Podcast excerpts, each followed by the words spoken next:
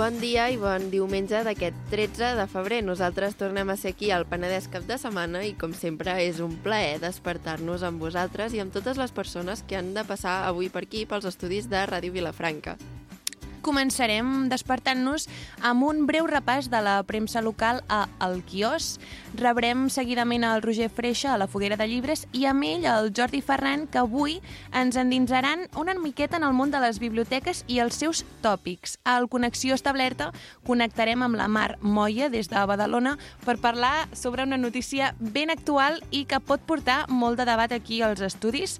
A Cellers del Penedès descobrirem el celler Augustus Fòrum del Vendrell i ho farem de la mà del Martí Roig. I acabarem amb la sobretaula del Joan Moreno i el Bernat Martínez Marc presentant la seva nova secció. Ara sí, comencem!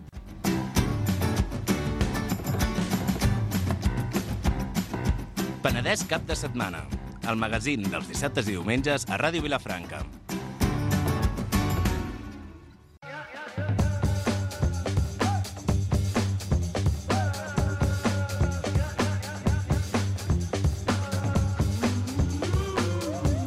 Bon dia, avui comencem el diumenge sense la tradicional alegria del Bernat, ja que el tenim de baixa. I avui al quiosc el farem la Judit i jo així una mica com puguem. Sí, en realitat el que farem serà així una miqueta express, si podem en 5 minutets així ens ho traiem de sobre. Per, sí, perquè bàsicament no donarem per tant. Perquè no, clar, no tenim la, la làvia que té el, el Bernat. El que farem és, hem triat les parts que més ens agraden i més interessants ens semblen a nosaltres i les comentarem, les comentarem. Comentarem les pistes de, de la fura, que sí. ens agrada molt sempre que el Bernat ens expliqui les pistes i què, són, i què es poden fer amb cadascuna, uh, i seguidament farem una mica de, de l'horòscop, perquè no, també ens primer agrada farem molt. el cargol. Seguim, mantenim l'ordre del Sí, Bernat, fem- que si no bé. ens escoltarà i ens dirà m'ho he canviat tot. Vale, Bernat, si estàs escoltant això, no hi haurà disclaimer avui. Sí, que n'hi haurà, i tant Sí, que hi haurà. Ara memòria? Jo me l'invento ara, vale, en un moment. doncs vinga, et deixo que et veig molt, et veig molt bé. Doncs bé, bàsicament, estimats oients del Penedès cap de setmana, avui no hi ha el Bernat, així que ens disculpem prèviament per les errades i incongruències que puguem dir la Judit i jo, perquè no en sabem tant com ell. I dit això... No pretenem fer una tesi doctoral de cada tema, sinó simplement una petita pinzellada, alguna aquesta, cosa així era, aquesta oi? m'agrada, però com que no parlarem de gaires notícies, No, no, direm crec que massa. la liem gaire. Bueno, en qualsevol cas ja estem curades Ja d'espans està, i la gent ja ja- està avisada.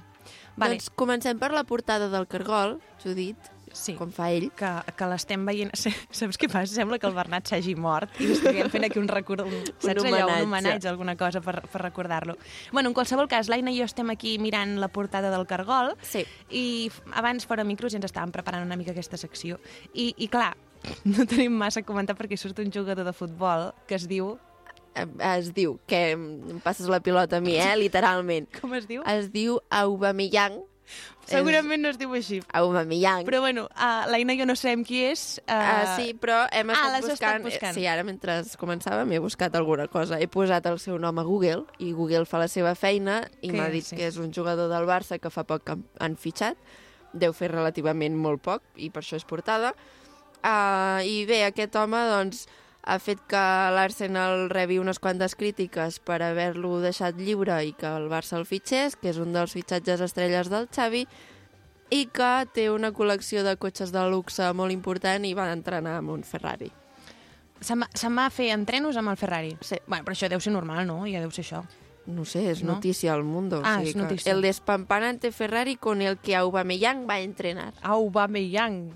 Bueno, doncs ja sabem qui és aquest xaval, tampoc podem comentar massa més perquè no sé si és bo, si és dolent. L'únic que et dic és que des d'aquí, tal i com el veig, si no fos per les dents, sembla una mica el Neymar. Sí, jo, jo de fet em pensava que era el Oi Neymar que sí? perquè hi ha el nom I, aquí i que el baix. nom aquest era un altre. Doncs bueno, no, no hi entenem gaire, però l'únic que podem dir d'això és que aquest xaval s'assembla una mica al Neymar. Dit això, um, oi que és aquí que llegim l'horòscop? Sí, ara passarem a l'horòscop, uh, llegirem els nostres, llegirem el del Bernat encara que no hi sigui. Sí, que... perquè seguim fent-li aquest solemne homenatge, com si fos una persona que ja ha traspassat, que no ha traspassat. Pobre Bernat. Quin horòscop és el Bernat? El Bernat és Àries. Ostres, això està molt petit, eh? Sí, Sí? que té bona vista, aquest noi. Sí? Bueno, normalment el cargol crec que el porta en mà, no? Vols que ho llegeixi? Vinga, Jo? prova, prova. Qui, Aviam. què li passa a l'Àries aquesta setmana? Aquí, a veure si no sé l'encerto. fer zoom amb això. A Àries, canvi de plans o situacions inesperades et poden desconcertar, però tindràs el suport dels amics molt afavorits per la lluna, per recobrar els ànims i seguir endavant. No sé si els afavorits per la lluna són els amics o els àries. Però escolta'm una cosa, um, a, a, és molt fort, no? L'ha clavat molt. Sí, Perquè, sí, sí. clar, el Situació Bernat- inesperada... Ha tingut una situació inesperada, no s'ha pogut presentar avui aquí als estudis I i, i nosaltres suport. som el seu suport que li estem fent aquí el relleu. Sí, Doncs, doncs molt bé. I a més a més té planeta. sempre té planeta. Sempre té planeta. No, que és un satèl·lit, crec, oi, la Lluna? Bueno, però Té, té algun, té, alguna té cosa del figura, cosmos. té figura. Vale, seguim. Tu qui eres? Jo sóc verge, faig Vinga. el meu? Fes el teu. Vinga. Allibera't de càrregues del passat que t'estan bloquejant. Els desafiaments et faran fort i reforçaran la confiança en tu mateix. Compte amb els malentesos o les situacions poc clares. Bueno, poc clara la, la, el que ens està dient, no? Sí. No, no ha dit massa. I Mm, no, tens planeta, tampoc. No, tinc, No tenim mai, bones mai notícies. tinc planeta, No, jo. no tenim bones I porto notícies. dues setmanes amb coses lletges, eh? Bueno, Tauro, Tauro, què taure, sóc? Taure, Taure... Aviam. Amb les idees clares i l'ànim optimista, tindràs molt clar que vols. Aquesta actitud decidida et beneficiarà molt. Poden fer-te una oferta temptadora. Guarda-la en secret fins que arribi.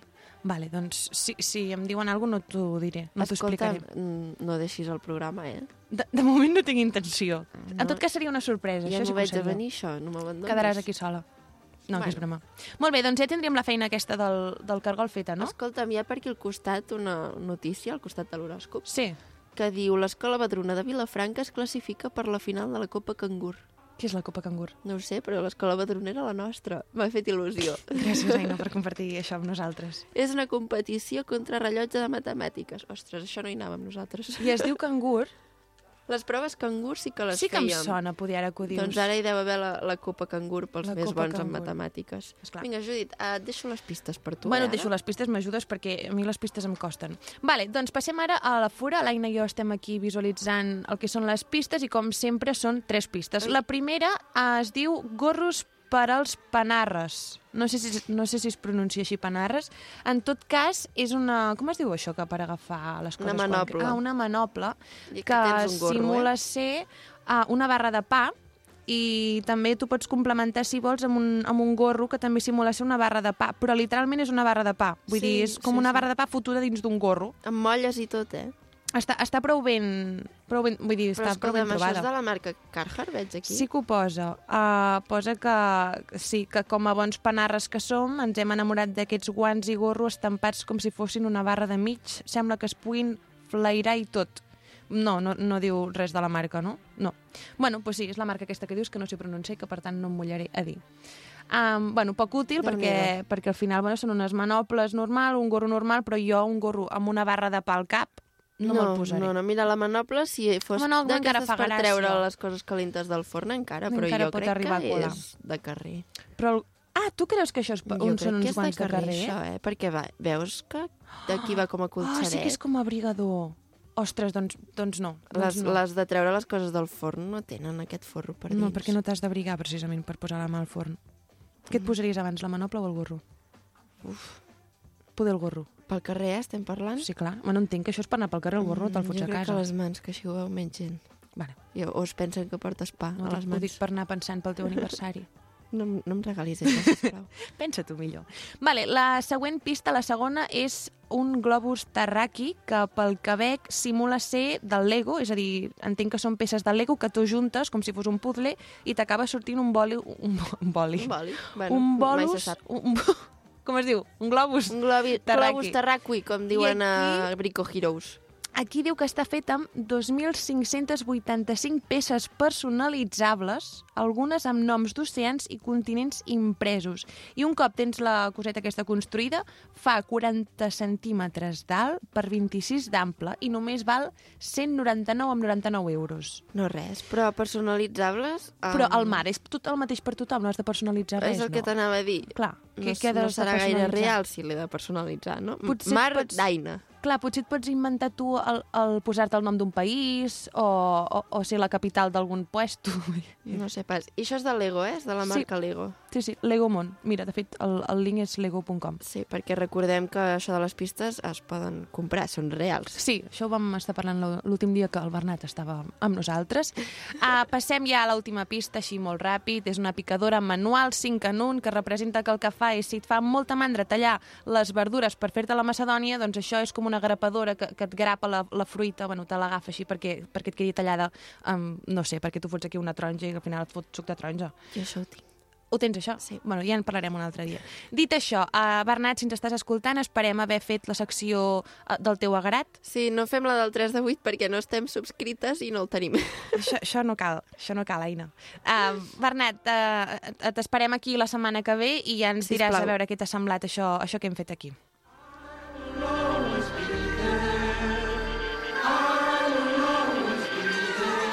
Cap de setmana, amb Judit Jansà i Aina Soler.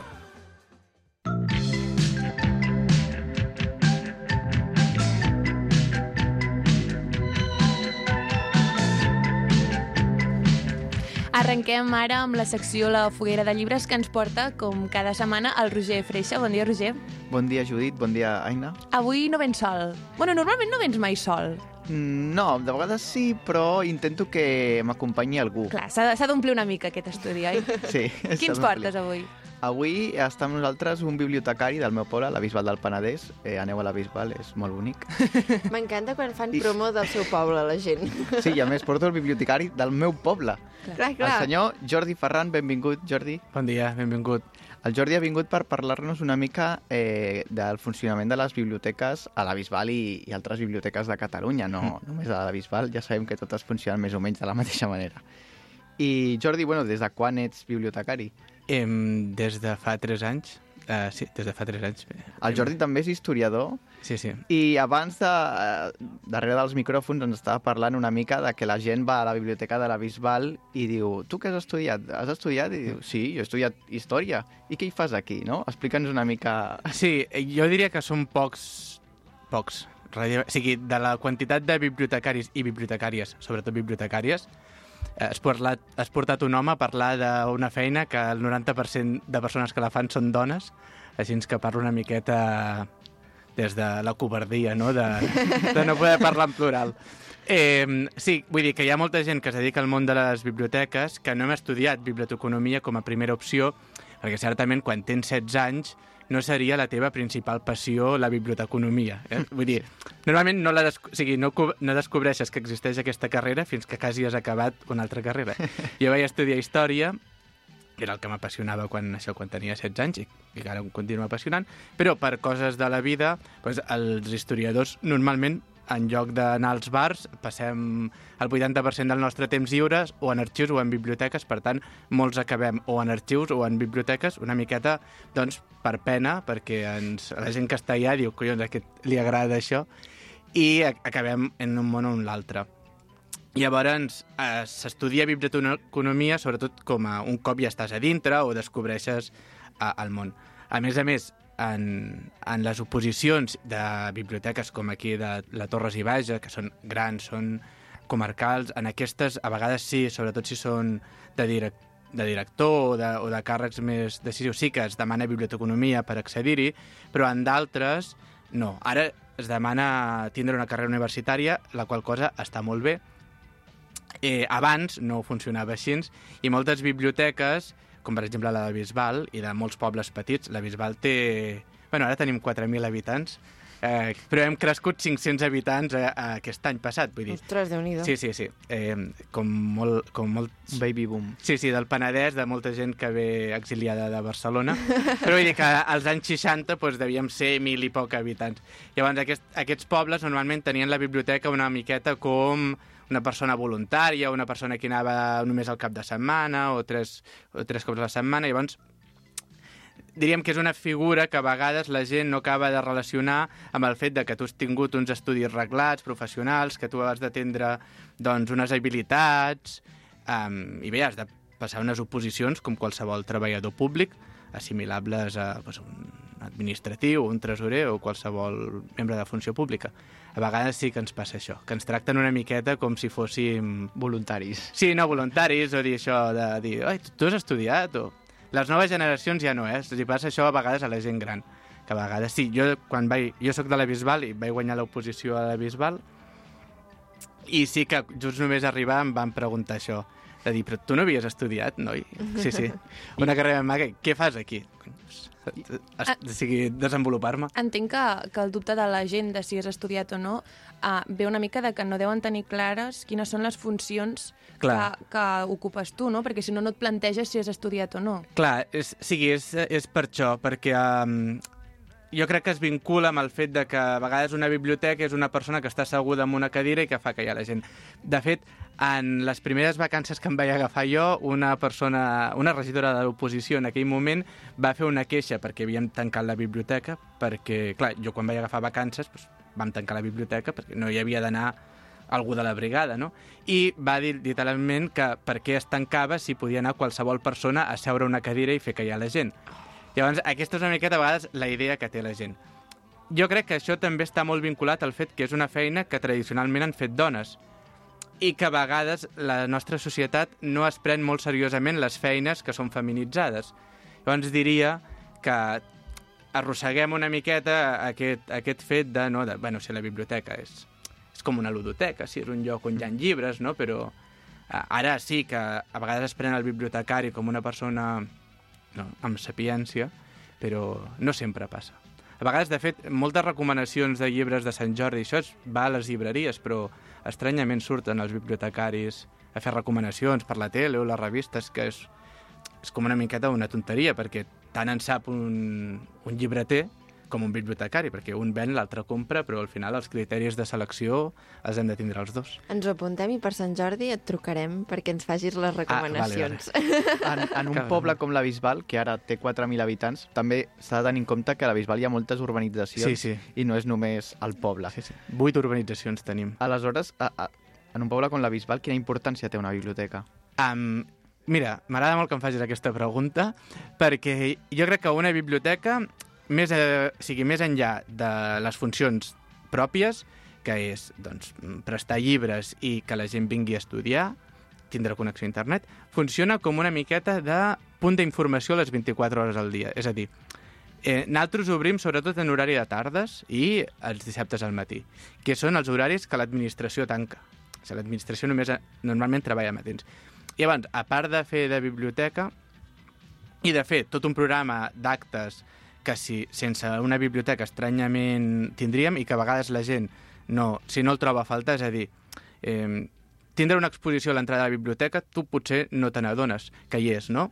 Però sense la biblioteca no hi hauria aquella exposició o no hi hauria, eh, o potser tindre un compte-contes a cada mes, a, a vegades la gent hi presta atenció, però sense una biblioteca no hi hauria aquest servei o aquesta activitat de compte-contes. Clar, a la Bisbal últimament també teniu el Cercle Poètic, que va Sí. venir el Joan Marc aquí un dia a explicar-nos en què consisteix. Heu fet activitats ara últimament com El poder de la paraula Sí, de Llorenç Avinyó. de... Tot de... això és gràcies també a que hi ha una Sí, biblioteca. o sigui, fem aquesta part de, de promoció de la cultura i després el que volia dir abans és que fem també de punt de, de descoberta del municipi, de coneixement, és a dir, et ve molta gent a vegades a preguntar coses tonteries en plan de mira, estic passejant aquí al poble i saps, o he anat a dinar aquí o he portat el meu fill a tal i he vist que estava oberts, que és? Llavors, també és com una mena de, de punt de turístic, informació i com a mm, punt de promoció cultural i de dinamització. Sobretot, vaja, jo crec que qualsevol persona que visqui la Bisbal, i no és per ficar-me una medalla,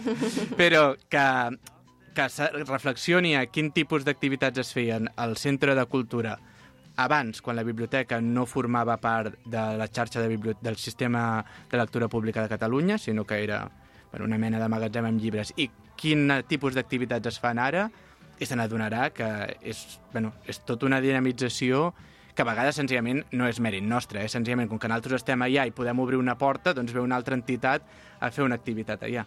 També funcionem a vegades com a, com a porters, així, ens obrir portes, tancar llums. Abans, quan, quan ens hem trobat a la porta dels Mm. estudis, eh, m'explicaves el procés de selecció de llibres de la biblioteca, que és eh, una mica diferent del que jo em pensava. Sí, sí, ja... mm, Jo també, eh? Quan, quan era jove em pensava que els bibliotecaris tenien una targeta de crèdit i podien anar pel món i dir m'agrada aquest llibre i comprar-lo i ser feliços. Eh, és, és, és així, però t'apuntes al llibre i te l'apuntes a la llibreteta i llavors al cap de tres mesos el compres. Eh, no, eh, comprem o per subvencions que llavors, pues, això també va... Tot bibliotecari té una llibreteta amb llibres que li interessen. A o- wishlist. Sí, o que li falta en el seu fons, i després eh, comprem amb subvencions en espècie, és a dir, sobre catàleg de llibres que han sortit o que sortiran, que això és una miqueta complicat, sobretot si no hi entens, que per exemple, doncs el que dèiem, eh? comprar teatre o comprar poesia d'un llibre que encara no ha sortit i que només veus el fragment de, de text que ha de sortir, això és una mica més complicat, per sort, doncs hi ha, hi ha suports que t'ajuden, um, llistes de recomanacions i aquestes coses. Tens molta responsabilitat. Eh, Sí, sí. I després, i després per fires, a vegades també, doncs, si anem a, com, com et comentava abans, a, al Saló del Manga, o la Fira del Còmic, o la Setmana del Llibre en Català, i abans podem anar allà i comprar allà, i et fan unes formacions. I després, durant tot l'any, sí que fem formacions d'adquisicions, de, per exemple, que et fan t'expliquen sobre tecnologia, no? sobre química, perquè un historiador de química no hi entén gens.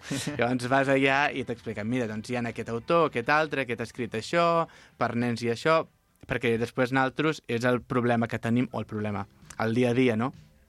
Et ve una persona a preguntar que li, re, que li demanis un llibre sobre, no sé, teràpies naturals o coses així que tu saps o, mm. o sobre criptomonedes, que pots saber que és una criptomoneda però no saber quin llibre eh, ha.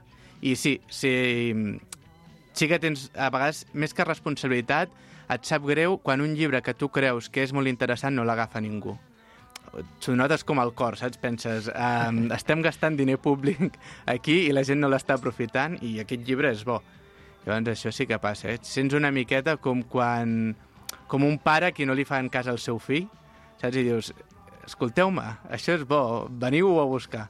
I, però bueno, què hi farem? A la, bi- perquè, clar, la gent potser desconeix una mica eh, com funcionen els préstecs de la biblioteca i, i la freqüència amb què hi ha préstecs. Tu, que ho vius des de dins, quanta, quants préstecs diries que fas al dia o a la setmana? Uh, doncs mira, ho sabem perquè, a part de ser bibliotecaris, som estadistes i cada dia hem d'anar ficant tot, tot el que passa a la biblioteca, préstecs, a la gent que entra, a la gent que surt.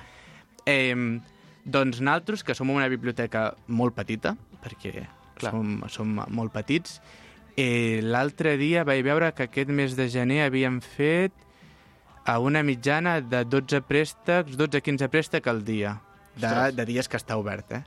No sé si sortia sobre els 300 i 4, entre els 300 i 400 És molt i jo crec que és més del que la gent segurament pensa. Sí, sí, sí, això fa molta gràcia, perquè la gent entra, veu que està assegut i tal, i et diuen, oh, que tranquil que estàs eh, avui. Penses, bueno, sí, està tranquil, però va venint gent sí. i vas havent de fer préstec. Eh, sí, es- està bé, està bé. Home, ens agradaria que fos el doble, la veritat, perquè hi ha molts llibres que no s'acaben de, pre- bueno, no s'acaben de prestar. Eh, doncs, sí, estan allà o es presten poc. El, doncs el nostre somni seria que no hi hagués cap llibre a, a la biblioteca perquè tots estiguessin en, en circulació. Les 100 persones, ai, les 4 4.000 persones de la Bisbal, Sí. un 100% De, de préstec, de sí, sí. persones anant a buscar llibres. Sí, sí, això Abans- seria èxit brutal. Abans d'acabar ja, eh, eh, tinc una pregunta que volia fer-te, a veure com ho veus tu, perquè que és, crec que és un debat interessant. Què és millor, comprar llibres o agafar-los en préstec? Perquè per una banda eh, el pots agafar gratis a la biblioteca i t'ajuden a tu, entre altra gent, però si els Em, compres... em paguen el sou, eh? Si no presten llibres em faran fora. Però si els compren, li donen diners a l'autor i a l'editorial sí. i te'l pots quedar. Aleshores existeix una mica aquest, eh, a la balança que pesa més. Sí, um, bé, primer anar a la biblioteca, sempre agafar el préstec. No, o sigui, depèn de quin llibre. Jo crec que això depèn de cadascú, depèn de... És a dir, si tu t'agrada llegir el llibre... Vi... Hi ha gent que viu el llibre molt intensament, li agrada doblegar-lo, escriure, la, anar amb ell al llit... Vull dir, fer Subratllar. moltes coses amb el llibre. Eh, Compra-te'l. No cal que maltractis un llibre públic, te'l compres i ja està. Si tu tens, no sé, un autor, penses, ah, aquest autor em, tinc Vull conèixer-lo. vull conèixer-lo o, o, o només faré una consulta tècnica, vas a la, vas a la llibreria, ai, a la llibreria, la vas a la biblioteca i el demanes en préstec. I després sempre pot passar, jo això també ho he fet i segur que ho ha fet molta gent, que agafes un llibre en préstec, te'l llegeixes o arribes a la meitat, no el pots renovar el que sigui i te l'acabes comprant perquè t'ha agradat molt o perquè el vols subratllar. Llavors, jo crec que les dues formes són compatibles. A més a més, les biblioteques no acostumem a comprar novetats exactes. Triguem mig anyet o així. Llavors, si tu vols ser el primer en llegir l'últim llibre de l'Helena Ferrante, te'l vas a comprar. Si t'esperes mig any o vols llegir un llibre d'un autor del segle XIX, vés a la biblioteca. Doncs moltes gràcies per venir, Jordi. Ha estat A un plaer. vosaltres. I ens seguirem veient a la biblioteca. Esteu tots convidats. Molt interessant, això. Moltes gràcies, Roger. Fins la setmana vinent. that daily make us pay.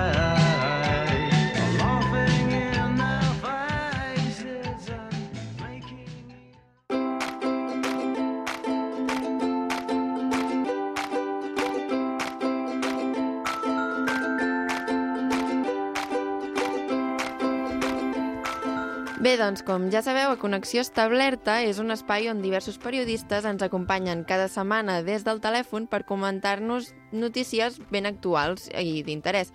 Avui connectarem amb la Mar Moya des de Badalona. Bon dia, Mar, com estàs?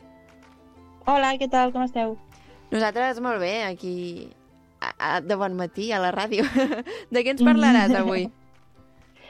Bé, avui us parlo d'una notícia que ha estat ja confirmada fa un parell de dies, per tant jo crec que serà molt, molt coneguda per, per la gran majoria de l'estat espanyol, de Catalunya i de Badalona i segurament de qualsevol poble de Catalunya. De Vilafranca. Nosaltres estem a Vilafranca. Perfecte, doncs a Vilafranca segurament tothom que tingui xarxes socials o fins i tot ha sortit a la majoria dels noticiaris catalans i espanyols, la Universitat de Barcelona, en col·laboració amb l'empresa d'experimentació de fàrmacs madrilenya Vivotecnia, ha confirmat ja que 32 cadells de raça Beagle seran sacrificats a causa d'un experiment per desenvolupar un, un fàrmac, un medicament antifibròtic. Aquest el que suposadament farà serà de tractament o de possible solució per diverses malalties fibròtiques, no re- respiratòries, perquè ens entenguem. El sacrifici s'anava a fer el 24 de gener, però eh, arran de la notícia que es va fer pública i van haver bueno, diverses manifestacions, sobretot a Barcelona, davant de la Generalitat i l'Ajuntament, es produirà aquest mes vinent de, de març. És a dir, que de moment això es tira endavant i tot i les manifestacions, sí. i entenc que les 50.000 queixes perquè no es faci, sí. eh, ningú s'ho ha replantejat. Correcte. La universitat tot va començar al novembre. La Universitat de Barcelona va contractar una universitat pública, que l'afegir, va contractar per més de 200 200.000 euros a través del Parc Científic de Barcelona als serveis de Vivotècnia. Vivotècnia és una empresa de Madrid que experimenta amb animals per desenvolupar fàrmacs. Eh, aquestes proves eh, per realitzar un fàrmac mm, contra malalties fibròtiques eh, es durà a terme amb gossos beagles. Han escollit aquesta raça perquè és més dòcil i és una mica més bé, mm, fàcil de controlar, no? per dir-ho així. Pensava que anaves a dir fàcil de matar. Que, que ve Sí, això, eh? Però Sí, exacte. Volia ser una mica... mm, fina, no? Bueno, sí, exacte. Um, clar, quan això es va fer públic, a les xarxes eh, es va incendiar, moltíssimes organitzacions internacionals, nacionals, eh, estatals, etc., eh, van afirmar que no era necessari eh, aquesta matança. Eh, la UB, mm, de totes maneres, ha afirmat que l'ús dels animals és una pràctica necessària per avançar l'estudi d'aquests tractaments eh, ja sigui vacunes, ja sigui fàrmacs o tècniques quirúrgiques. I manté que Vivotècnia ha acreditat que està autoritzada per la Direcció General del Medi Ambient de la Comunitat de Madrid a utilitzar gossos. Ara tinc una pregunta, Marc, que no sé si em sabràs respondre, perquè potser és més de... de li hauríem de preguntar a una advocada, però amb tot Ah. aquest canvi de que ara els gossos són, estan considerats com part de la família, Sí. algo així, um, Sí. això segueix sent legal? Clar, o sigui, eh, un gos és veritat que té més drets a ulls de la llei que un porc, no? Per exemple, o sigui, això està clar, almenys aquí a Europa, no? A, a Occident. Eh, la presa, de totes maneres, Vivotècnia, la qual ha rebutjat completament donar ex explicacions sobre l'estat de qualsevol gos, eh, el que farà serà realitzar un estudi dels teixits d'aquests cadells. O sigui, faran una necròpsia, una autòpsia, perquè ens entenguem, un cop ja hagin estat assassinats, i aquesta autòpsia el que permetrà serà analitzar la toxicologia crònica de les molècules i avaluar la seguretat del fàrmac eh, abans de que aquest es provi eh, amb éssers humans, no? animals humans. Clar, la normativa europea, ha al·legat la Universitat de Barcelona, eh, afirma que és necessari fer-ho, no? perquè després es pugui provar en humans i no sigui tan perillós. Però eh, si això finalment passa, si els gossos finalment eh, es maten, que és el que passarà, eh, entra en col·lisió amb l'article 30 del Reial Decret eh, 53 del 2013 i la directiva del 2010-63 de la Unió Europea. Els dos estableixen que els animals que hagin estat, qualsevol animal, que hagi estat utilitzat en experiments i estiguin bé, poden ser reallotjats o lliurats en adopció. En el cas dels beagles no podran fer-ho perquè, bé, moriran. Em sembla molt fort. Judit, eh, Clar, tinc aquí la jo- Judit sí. en, en estat de xoc encara. Jo estava, mentre ho comentaves, Mare, estava buscant la notícia per internet per, per poder ten- tenir una mica d'opinió de tot el que estàs explicant. I, Sí. clar, aquí jo pel que estic llegint entenc que, com a tot arreu a la vida i com en tots els temes del món, hi ha doncs, dues parts, no? la part que està conforme sí. i està d'acord i, i la part Sí. que, que no. I en aquest cas, clar, entenc que la Universitat de Barcelona s'està justificant dient una mica això, no? que abans de, de tractar amb animals hem d'entendre tota la societat, ai, abans de tractar amb persones, hem d'entendre tota la societat que primer es provarà amb animals, rotllo que al final ho estan dient per que ho estan fent per nosaltres, saps? Pels humans. Clar, Um, és que clar, em sembla una mica fort. Clar, el que passa és que, clar, vull dir, din- dins de la, això d'experimentar amb animals, hi ha la part de que experimentes i no els acaben matant, que evidentment doncs, també té la, certa part de maltractament, però, no ho sé, almenys acaben vius. En aquest cas, l'objectiu de l'estudi és que els matin. Clar, de Clar, a no, no, primeres sí, sí. ja sabem, oi? Mm, No, sí, sí, totalment. Vull dir, els, els gossos, els beagles, acabaran morts. A més, és veritat que això ha estat molt més polèmic perquè eh, Vivotècnia, quan, bueno, quan va publicar-se la notícia que finalment eh, moriran els gossos, s'ha limitat, eh, perquè no vol parlar de l'estat de, de l'estat dels gossos, s'ha s'ha limitat a enviar un comunicat defensant-se que són un centre autoritzat i certificat dedicat a la investigació de nous fàrmacs dirigits a curar malalties i de que compleixen amb tots els protocols, guies i legislació vigent per dur a terme aquests estudis amb el màxim benestar dels animals de cada laboratori. Vale. Ara anem una mica enrere, parlem de l'abril del 2021, no sé si ho vau veure vosaltres dues concretament, però el 8 d'abril del 2021 la ONG internacional Cruelty Free International, per si la voleu buscar, CFI, va fer públiques imatges esgarrifants dels treballadors del laboratori de Vivotècnia de Madrid. El vídeo publicat, bueno, es van congelar les xarxes socials al veure la sang de cada imatge i bueno, de cada animal, no? que en aquest cas sortien gossos, sobretot beagles, perquè ja he dit que són més dòcils, porcs, ratolins, conills, micos, traspassant qualsevol límit de qualsevol llei associada al benestar animal. Us cito textualment, que ara he tornat a buscar la notícia, eh, del vídeo, eh, declaracions que deien les persones que treballen en aquest laboratori. Deixa-li que es trenqui la columna. Aquí està el xiulet, els ous han d'estar per aquí, ara els tallo. Truja psicòpata, com Hitler, passatgers al tren. Tot això davant d'unes imatges, bé, de, de maltracte animal bastant, bastant mm, qüestionables a l'hora de parlar si aquesta empresa compleix o no la, bueno, la legislació vigent sobre maltracte o no maltracte animal a l'hora d'experimentar. Mare Clar, meva. ara el, el debat que s'està portant és si realment cal utilitzar animals per construir fàrmacs. Aquest és el debat que ara s'està portant. Perquè, òbviament, entenem que és molt més fàcil posar en perill la vida d'un animal que ni es queixarà, ni necessita una compensació econòmica, ni, ni necessita que es faci voluntari, no? O sigui, és, és molt més fàcil manipular un animal per provar un fàrmac o no. Però tot i així, no tenim les mateixes cèl·lules, no tenim la mateixa eh, membrana celular als animals que als humans. Per tant, necessitem que el fàrmac o la vacuna, sigui el que sigui, s'acabi provant en humans. Clar, això és molt més difícil, perquè l'humà, primer de tot, s'ha de fer voluntari, ha de fer-ho voluntàriament, segon, li has de donar una compensació econòmica i tercer, la seva salut l'has de mínim protegir una mica, no? Aleshores és molt més fàcil fer-ho en animals. Però encara que es faci o no es faci en animals, que de moment ningú ha afirmat que és 100% necessari perquè hi ha moltes opcions sintètiques, ja no parlem de medicaments o de vacunes o el que sigui, sinó també d'un un simple xampú o, o una pasta de dents, també s'ha d'acabar provant en humans. Per tant, el que ara ens estem preguntant és si es pot saltar el pas de primer fer-ho en animals i fer-ho directament en humans. Perquè si és molt diferent un home d'una dona, que hi ha molts fàrmacs que no es proven en dones i després tenim uns problemes difícils de solucionar amb les dones, imagina't un gos o un mico o una rata d'un humà. Doncs sí, Déu-n'hi-do. doncs, des de- des d'aquí de, al Penedès cap de setmana, l'Aina i jo t'agraïm que hagis pogut portar aquest tema aquí, a veure si podem donar una mica de visibilitat i que la gent pugui també treure la seva pròpia opinió.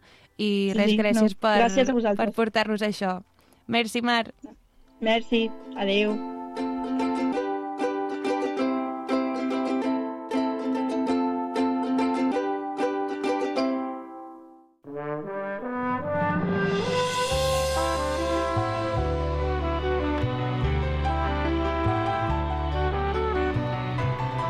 Penedès estem envoltats de cellers i de persones que ens enriqueixen el territori. Cada diumenge rebem un celler diferent per descobrir la seva història i qui s'amaga darrere dels vins i excumosos que elaboren. Avui ens movem fins al Baix Penedès, concretament al Vendrell. Allà hi trobem el celler Augustus Forum i per parlar d'aquesta bodega avui ens acompanya el Martí Roig. Bon dia, Martí, com estàs? Bon dia, moltes gràcies. Nosaltres estem molt contentes de rebre't aquí a la secció de Cellers del Penedès i que ens puguis explicar una mica d'aquesta bodega. Vens molt carregat, però ho explicarem després, això. Aviam, explica'ns una mica. Primer de tot, quina és la teva trajectòria en el sector i com vas arribar a Augustus Forum? Doncs bé, bueno, la meva trajectòria realment comença a Augustus, no? Les meves primeres pràctiques de la universitat, d'enologia, les vaig fer al celler i, bueno, després doncs, vaig fer unes altres pràctiques a Dominic Envàs, uh, vaig acabar la carrera i allò doncs, que tens ganes de descobrir món, vaig fer uh, una barema a Estats Units, a un celler dels Estats Units, de Napa Valley, una zona molt, molt coneguda, una zona vitic vinícola molt coneguda arreu del món. Després vaig estar treballant a un altre celler per aquí al Penedès. Mm, més tard vaig tornar a marxar fora a fer una barema a una zona de França que es diu Condrieu, que està just al sud de Lyon, una zona que està, és molt apreciada pels seus vins blancs, sobretot, i després, una mica més amunt, hi ha una zona que es diu Côte-Rôti, que és molt apreciada pels vins, vins negres, una regió força reconeguda, i després eh, vaig anar... Bueno, vaig fer d'anòleg durant un any a Emendis i després vaig tornar als, a on vaig començar, no?, una mica. A la primer lloc on vaig fer les pràctiques d'enologia eh, he, he acabat eh, treballant, no?, que és Augustus Forum, al celler de, de, del Has Baix tornat a Penedès. casa. He tornat a casa, exacte. Vuelve a casa. déu Ara nhi sí. eh? Perquè Sí, el sí. Tom no ha sigut curt. No, no, No, ha no, anat no. lluny, ha anat lluny el Martí. Bueno, eh, m'agrada m'agrada descobrir, però també m'agrada tornar als meus orígens. És que és maco, això. És maco. Uh, Martí, quin, ara que deies orígens, quins són els orígens d'Augustus Forum? Perquè hem llegit que fa més de 30 anys que compartiu els vostres vins. Sí, la veritat és que el celler en si fa... Aquest any celebrem el nostre 30è aniversari, no? Però eh, la, la tradició familiar amb el tema de la viticultura ja fa quatre generacions, no? Uh, explico per una mica per situar-nos. No? Fa 30 anys, uh, Joan Roca i el senyor Puig, Joan Roca és el, el pare dels que ara mateix uh, estan portant el, el, el celler.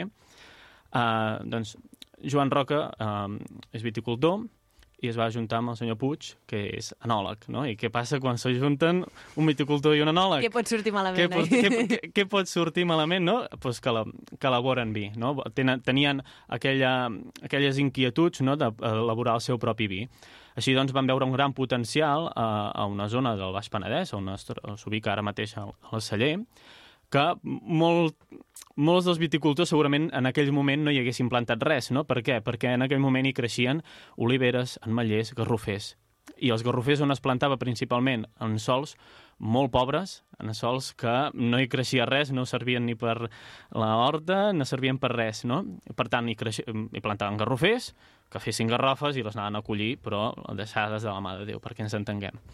Així doncs, arrenca aquests camps de garrofers, ametllers i oliveres i planta en aquell moment doncs, eh, vinya amb varietats forànies. No? En aquell moment es plantava doncs, sobretot eh, chardonnay, cabernet sauvignon, merlot, etc. Així doncs, tenien molt clar eh, en el moment que plantaven les vinyes allà que segurament no eren les vinyes que farien més producció, evidentment, no? perquè eren sols més aviat més pobres, no? però aquesta en els sols el que els hi aportaria seria molta qualitat, perquè com que el raïm, la cep estaria més estressat, no podria oferir-li tanta aigua en, a, en el raïm i això faria que es concentrés més, no? aconseguint vins més, eh, raïms, o sigui, produccions més baixes, eh, raïms més concentrats i així doncs una qualitat del raïm molt més alta. D'acord? Així doncs van començar elaborant vins, però també tenien clar que volien elaborar vinagres, que després suposo que ja en Després en parlarem, parlarem, ja, després en parlarem parlarem. dels vinagres, d'acord? Perquè també és una part important no, del nostre celler, per no dir ara mateix la més important.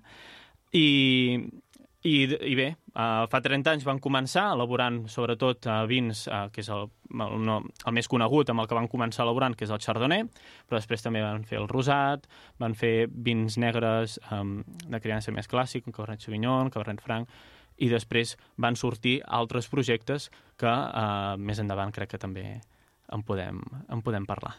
En parlarem, en parlarem. En parlarem? vale, perfecte.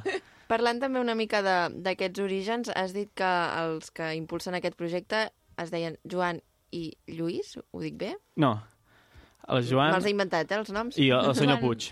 Joan i... Ah, senyor Puig. Sí, Però el celler s'acaba dient Augustus Forum. sí. D'on ve aquest nom? A veure, als inicis es deia uh, uh, Puig i Roca, d'acord? Perquè eren els dos socis. Però uh, després uh, es va voler posar el nom d'Augustus Forum, principalment perquè, uh, bé, estem a la província de Tarragona, no? i com tots sabreu, eh, té una gran tradició romana, només fa falta mirar Tarragona, no? i que és patrimoni material de la humanitat per als seus jaciments romans. Així doncs, eh, té una gran...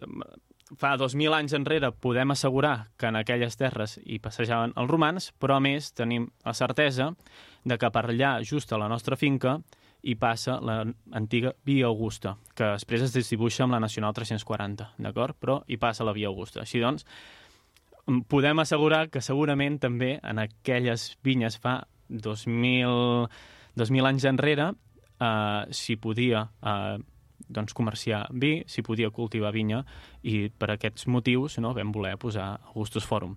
I les Us les vam voler posar amb Uves, no? encara que sigui una mica difícil a vegades d'escriure, eh, per, uh, per fer-ho encara més romà, no? Tot plegat. Sí, bueno, encara recorda més. És veritat que Exacte. visualment tu llegeixes Augustus Forum així com en B baixa i el primer que et ve al cap és veritat que et recorda l'època Sí, bueno, romànica, sí, per sí. què enganyar-nos. Bueno, Martí, abans estaves fent una mica d'espoiler, però quin tipus de vins elaboreu al vostre celler? A veure, um, de vins n'elaborem molts tipus diferents, però no tampoc elaborem grans quantitats, d'acord? Uh, nosaltres ens agrada separar-ho amb, amb, amb tres generacions, d'acord? O, o tres... Que, tres, uh, bueno, blocs de vins, no? com si diguéssim, ens agrada dir uh, vins uh, per generacions. Primera generació ens trobem els vins en què Augustus va començar, Augustus Forum va començar, no? serien els vins més, uh, més coneguts, que ser, hi hauria el Chardonnay, el rosat, uh, que avui potser el podrem provar, depèn de com, si ens portem bé. si us porteu bé. Uh, després uh, després també tenim el primer, el primer blanc i després vins, sobretot amb varietats uh, forànies o varietats franceses, uh, amb criança, o sigui, negres amb criança amb bota, que seria el Cabernet Sauvignon i el Merlot, o el Cabernet Franc, però amb pas de bota doncs, d'un any i mig, un any amb ampolla, o sigui, criances de, de negres molt més clàssiques, d'acord? Però després, el 2013, eh, veiem que hi havia certes parcel·les que també acabàvem entrant al celler i doncs, posant l'ocupatge del, del primer blanc o posant l'ocupatge del primer negre, que és el, el jove de la casa, eh, però que aquelles vinyes realment tenien un, un gran potencial d'acord? Bueno, eren més aviat, més, eren úniques, d'acord? Així doncs, el 2013 vam començar el projecte de les microvinificacions. El tema de les microvinificacions són uh, vins monovarietals i, monovar i monoparcel·laris. En aquest, en aquest moment estem elaborant set microvinificacions diferents i tal com el seu nom indica, microvinificacions és perquè són vinificacions de produccions molt petites. La que en fem més, en fem 900 o 1.000 ampolles aproximadament i la que en fem més seran unes 2.500 ampolles aproximadament. Vale? Per tant, potser amb, amb totes les set microvinificacions farem un màxim de 10.000 ampolles amb set vins diferents. D'acord? En el cas de les microvinificacions, què hem fet? Anar a buscar sobre les microvinificacions, clar, tots els nostres vins de primera generació estaven fets amb varietats uh, franceses, no? Però uh, més, uh, més cap aquí hi ha hagut una, una inquietud no? per recuperar les varietats que es, es cultivaven uh, als seus inicis uh, a, la, a la nostra zona. No? Així doncs, vam anar a buscar aquestes varietats en parcel·les uh, molt concretes per elaborar aquestes microvinificacions. Sí? Vins monovarietal, monovarietals i monoparcel·lars. D'aquesta forma podem donar a conèixer el gran potencial que té el Penedès tant amb les seves varietats com la seva diversitat de territoris. No? Per què dic això? Perquè la primera vinificació, microvinificació que vam fer va ser una que li diem Xarelo a Mar, principalment perquè està justament a 3 quilòmetres en línia recta amb el mar Mediterrani, vale? Però després també tenim vinyes de microvinificació a Vinyoret del Penedès, unes altres estan a Can Benet de la Prua, quasi més tirant cap a Montserrat, no? com si diguéssim, unes altres que estan més tocant a Santes Creus, unes que estan més tocant a Olèrdola. Així doncs, tenim de diferents zones del Penedès perquè també veiem que aquestes varietats s'han adaptat millor potser en, en aquelles zones, principalment això. Cada setmana aprenem un concepte nou, els de casa ja ho sabeu. El d'aquesta setmana és microvinificació. Que, de fet, un cop ho he explicat, té tot el sentit del món que Sí. sigui així. Sí, al, perquè fi, al final Sí, la no- pròpia paraula parla té per ella sola, misteri, no? I no al té final... massa misteri. Um, Martí, de tota l'oferta que teniu, Mhm. imagina't que algú vol començar a conèixer el vostre celler. Per quin vi hauria de començar? Quin hauria de provar primer de tots? A veure, jo crec que el que us porto avui el provarem i així jo crec que és un molt bon vi per començar a conèixer el- l'estil de vins d'Augustus, d'acord? Bueno, va, anirem a servir i aquí començarem. Ja ens hi posem, eh? Jo ja m'estic fotent nerviosa. Bueno, ara, ara no ho veieu, eh, però el Martí m'està posant aquí una copeta de, de vi rosat, que suposo que ara ens Se explicarà. sent el, el sorollet, mira. Sí, se sent? ASMR. Sí. Com ens agrada aquest sorollet. Doncs bé, per què dic el, el, l'Augustus, el primer rosat? Al final, eh, Augustus Forum va començar elaborant mm, el, el chardonnay, que és el vi més conegut de la casa, i després també el rosat. Però amb el rosat hi ha algú... Eh, sempre ens hem, hem sigut molt fidels a aquest estil de color, no? Per què dic això? Perquè eh, fa 30 anys elaboràvem el rosat amb aquest color i ara actualment el continuem elaborant amb aquest color, no? En els rosats hi ha hagut modes que han anat i han vingut, no? Eh, hem, al principi, eh, els rosats pujats de color, els, els rosats de llàgrima, eh, són els que eh, estaven més de moda, però amb els, eh, els rosats d'estils més provençals, més pàl·lids, més de pell de ceba? Aquests que tenen molt menys color, eh, van començar a guanyar mercat. Així doncs, molta gent, a vegada, bueno, va deixar d'elaborar aquest estil de rosats més pujats de color per fer els rosats que en aquell moment tenien més sortida en el mercat, que eren els, els rosats pàl·lids o els rosats eh, de pell de ceba. Vale? És que Però aquest rosat és molt rosat, és molt eh? rosat. Sembla sang, és, quasi, exacte, quasi. Exacte, exacte. Així doncs, nosaltres sempre ens hem, hem, hem sigut molt fidels en el, en el color de, del nostre rosat perquè eh, ens caracteritza, d'acord? Molta gent ens coneixerà el rosat d'Augustus perquè és un rosat com els de sempre, vale? Um, és un rosat que, eh, com l'elaborem, és molt fàcil. Agafarem el raïm negre, en aquest cas Cabernet Sauvignon i Merlot, dues varietats franceses, um, i el posarem el, la pell del raïm en contacte amb el mos del raïm. Per què això? Per extreure el color de la pell. Sí? En aquest cas, eh, en els rosats pells de ceba, què, què hauríem de fer? El pre directament premsant-los i obtindríem un, un color rosat molt pàl·lid. O si no, deixant-lo una hora en contacte amb les seves pells, aconseguiríem molta menys extracció. Però nosaltres, per aconseguir aquests, aquest color molt més pujat, el que fem és deixar-lo entre 6 i 8 hores en contacte amb les pells. En el moment que ja han passat aquest temps, el que fem és sangrar, d'acord? O sigui, separem aquell mos de les pells perquè no volem extreure ja més color i el posem a fermentar a baixa temperatura en una tina d'acer inoxidable, d'acord? El, el perquè d'aquest rosat amb aquest color és perquè hem tingut més temps al mos en contacte amb les pells i així, així doncs eh, el que aconseguim és aportar més aromes, molt més cos i veureu que és un rosat que sí que realment està entremig d'un blanc i un negre, d'acord? A vegades alguns rosats pàl·lids nosaltres el provem a cegues i, I diràs que és un blanc. Segurament diries, oh, quin vi blanc més bo, d'acord? Per què? Perquè és àcid, és molt més fresc, té un, un perfil d'aromes que alguns cops no s'assemblen als blancs, però en alguns altres sí que es poden assemblar, i més si els catem a cegues, d'acord? Perquè a vegades la vista ja ens pot fer el canvi de xip de, vale, doncs ara aniré a notar Clar, no, eh, sí. aromes de, més de fruita vermella i no pas de, de fruita blanca, no? per exemple, i això a vegades amb amb la, pas, amb la part visual inconscientment ho fem. Sí, sí, sí. Vale, llavors, ara aquí l'Aina, el Martí i la Judit tenen... Mira, parlo en tercera persona com si l'expliqués o no sé qui l'expliqués. Tenim una copa amb vi rosat, que aquest vi es diu... Primer rosat. De, és, el, el nom... És Es el diu primer rosat. Sí, Sí, primer no és rosat. que, no, és- jo ja ho he entès abans, Ah, que estava que- dient el primer rosat, però Clar. és el nom. Jo Sí, el primer rosat és la gamma de, de, de vins joves de la casa. Vale. Hi ha el, vi- el primer blanc, el primer rosat i el primer negre. Són els primers vins que surten al mercat en la seva categoria. Vale, D'acord? d'acord. uh, llavors, ara amb això què hem de fer, Martí? Sí?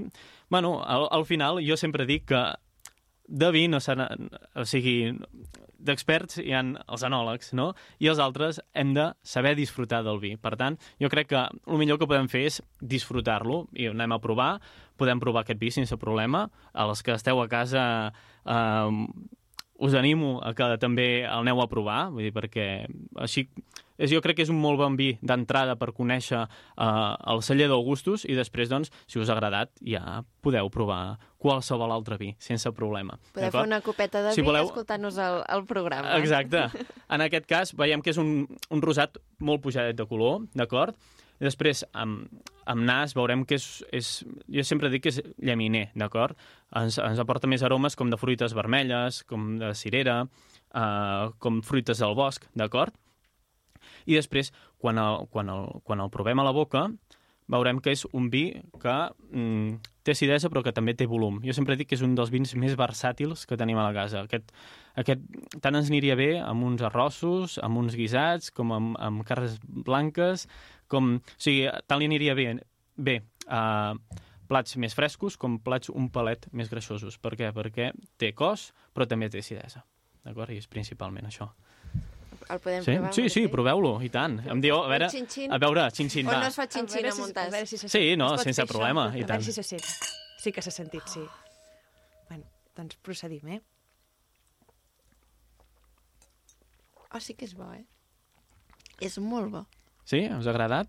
És molt bo. Sí, sí que m'agrada. Sí, que- a vegades el, els rosats jo sempre dic que són els grans oblidats, no? perquè quan vas a una terrassa sempre demanes o un blanc o un negre, no? Depenent de si t'agraden més els vins blancs, algú més per prendre copes, o un vi negre, um, perquè ets més amant dels vins negres, no? Però el rosat sempre és aquell de...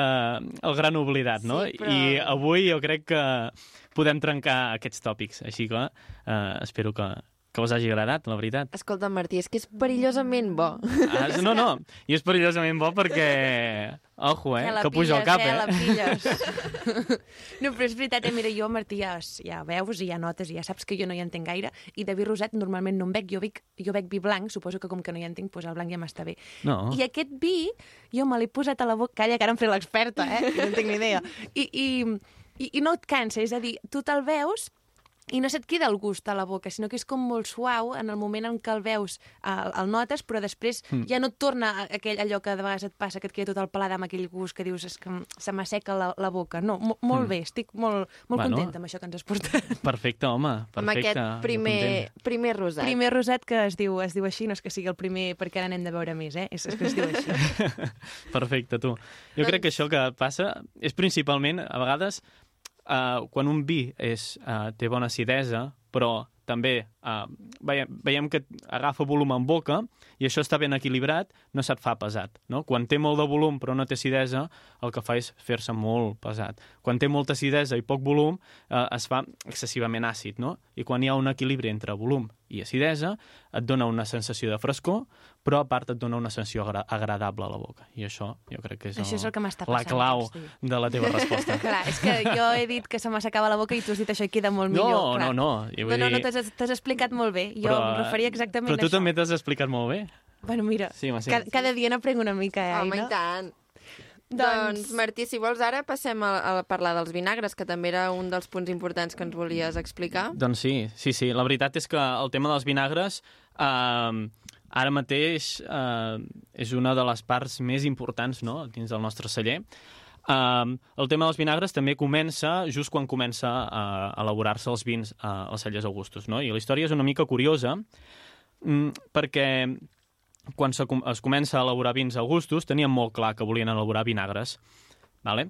Així doncs, elaboren vins, uh, i, a, a part, comencen a elaborar vinagres. No? Ha els primers visitants que venen eh, de regal, quan compren alguna ampolla de vi, doncs els donen una, una ampolleta de vinagre. Quina és la sorpresa? Que el següent any que venen no, a comprar vi, perquè els hi va agradar, eh, diuen, ostres, i una ampolla de vinagre, de vinagre d'aquell que em veu donar l'any passat, no me la vendríeu? I es van quedar com sorpreses, no? Per què vols vinagre si, si, tenim, si, si tenim vi, no? I la cosa va ser que van veure una molt bon... Eh, una, una bona... Com es diu ara? Una bona oportunitat de negoci, no com si diguéssim. I així doncs van començar a comercialitzar els seus vinagres d'alta qualitat o d'alta expressió i junt amb els nostres vinagres eh, va créixer tota l'alta gastronomia a Catalunya. D'aquesta forma eh, vam començar a sortir a receptes del Ferran Adrià, segurament el coneixereu, eh, un Em gran sona, cuiner d'aquí a Sí, Catalunya. aquest, aquest sí que el conec. No? A part del Ferran Adrià, doncs, eh, vam estar presents en 11 edicions, bueno, crec que eren 11 eh, edicions dels Premis Nobel, d'acord? Eh, el sopar dels Premis Nobel s'elaborava amb els nostres vinagres, d'acord? L'únic que les cartes ens arribaven en suec a casa i, i, i no les enteníem, d'acord? I després, doncs, Clar. Uh, però ens estaven dient doncs, que el nostre vinagre s'havia utilitzat en el sopar dels Premis Nobel i així doncs uh, una gran quantitat de, de xefs de tres estrelles Michelin uh, han estat utilitzant els nostres vinagres i, uh, a part, hem estat presents a, a diferents uh, parts del món. No? Ara mateix estem exportant a uns 42 països.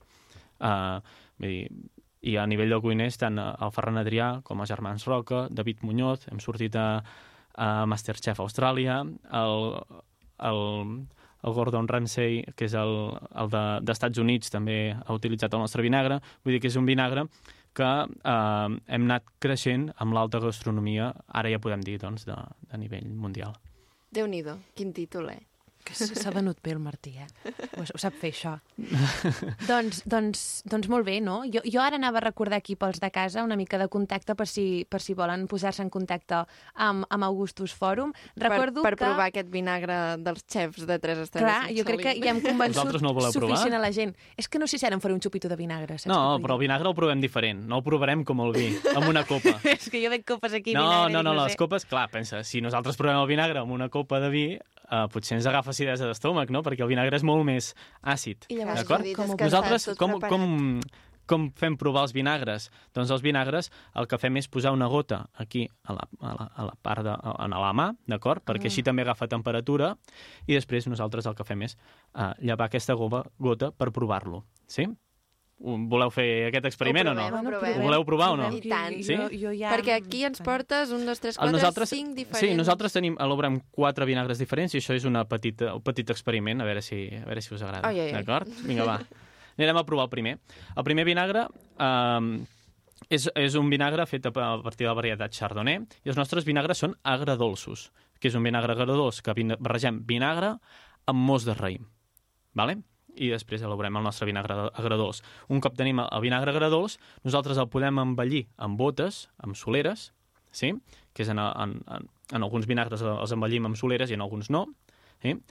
uh, per tal de donar-li uh, doncs, una certa tipicitat en, a- en aquell vinagre. Sí? A les soleres, doncs, el, el que deien les iaies de la, bo la bota del racó, no? Aquella bota del racó el que va fent és anar passant-li els anys, els anys, els anys, els anys. No? Nosaltres el que li fem?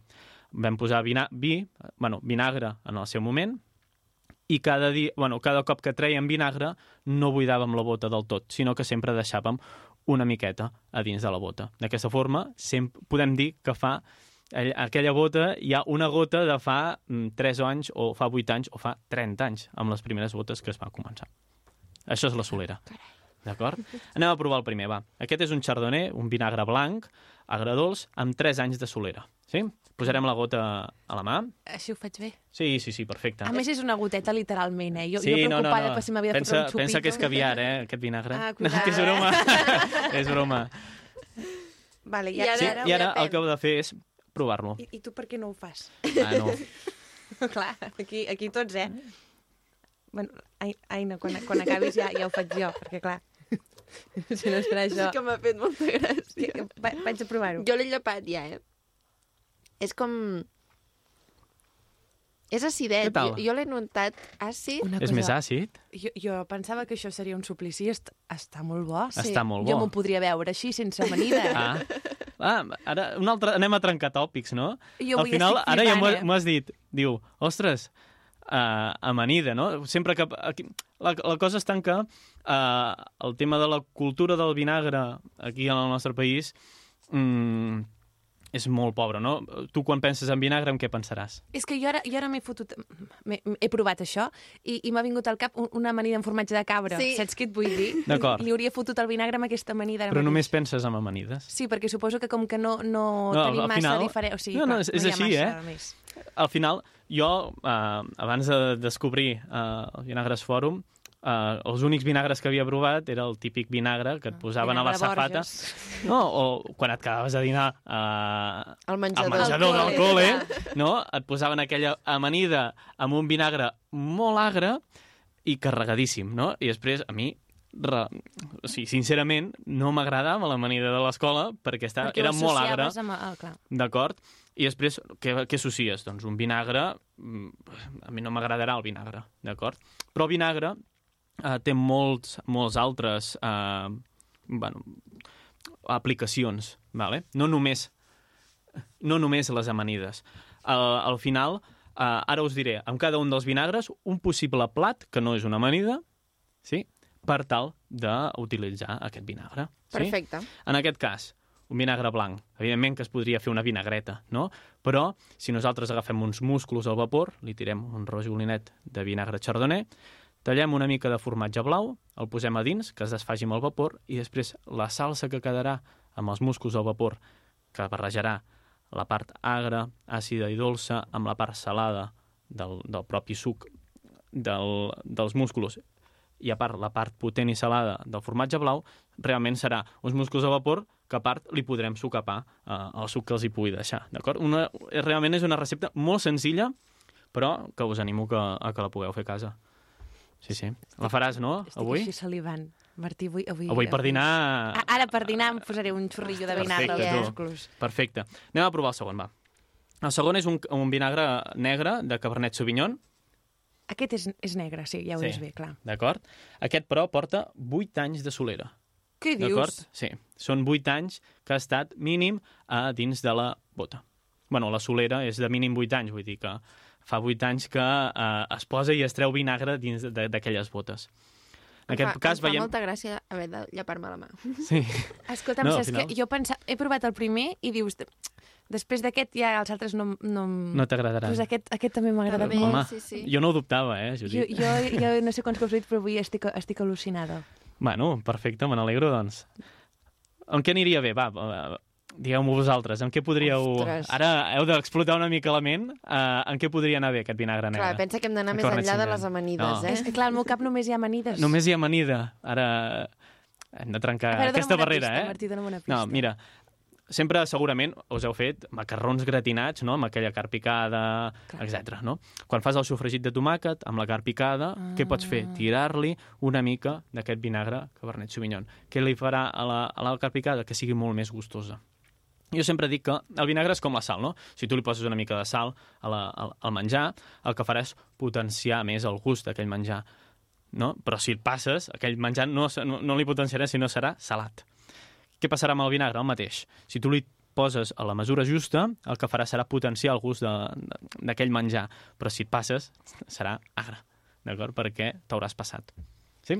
Quin descobriment. Passem al tercer, Bueno, passem aviam? al tercer. Passem al tercer. En aquest cas, és un vinagre sense solera, és un vinagre fet negre, fet a partir de la varietat Merlot, i en aquest cas eh, es va fer en col·laboració amb un dels millors xefs de postres del món, que es diu Roger Van Damme, però no és actor, d'acord? um, Roger Van Damme és un de, va ser considerat un dels millors xefs de postres, um, i uh, ell sempre diu que és, és, un, és un fanàtic de, dels vinagres fòrum. Així doncs, uh, però, clar, ell feia postres um, i, vol, i volia un vinagre més específic per postres, no? I aquí el que fem és un vinagre que no té soleres, per tant no es noten aquells aromes més arranciats, més com de nous, més de regalís, no? Regalèsia, perdona. Um, I serà un vinagre un punt més afruitat, té una mica més de most que els altres, per tant és un punt més dolç que els altres, i això farà que vagi molt bé, per exemple, per macerar fruita, unes maduixes macerades en vinagre, aniria perfecte aquest vinagre. No vull dir que els altres no es puguin utilitzar en postres. Um, el segon vinagre, del Cabernet Sauvignon, amb 8 anys de solera, Ferran Adrià l'utilitzava amb un dels seus postres al bullir, on el 50% era vinagre. D'acord? Que a cada vi m'està sorprenent més, això. És, és Sí? vinagre, és vinagre. Ai, a cada... Ostres, ostres. és que com que ja em parla de Sauvignon i que Clar, prou i- feina tinc amb els vins... Sí, a mi ja em costa i ara sonar-li. estem- Anirem per, per l'últim vinagre i després us deixo provar la prova aquesta. D'acord? També negre. L'últim eh? vinagre es diu Flavius, uh, i el Flavius és un vinagre... Bueno, és, són les primeres botes uh, que es van... Uh, bueno, que es va començar a fer solera a Augustus Forum, d'acord? Aquest és més fortet, eh? Porta Aquest és més fortet, anys. per Però està molt bo, eh? Boníssim. Quants anys diríeu si són de les primeres botes que va començar? 30. Clar. Ja, Per que tant, ja aquest això. any, aquest any estem parlant d'un vinagre amb 30 anys de solera. D'acord? Aquí és un vinagre, doncs, eh, que ja veiem que té molta més potència, per- s'ha ranciat un punt, un punt més, d'acord? I això només ho pots aconseguir amb aquests anys de solera. I la veritat eh, és, és el que el fa únic, no? És una producció molt limitada perquè tenim unes barraques de pedra seca just del mig de la vinya i allà dins és on tenim les botes on s'elabora el vinagre Flavius.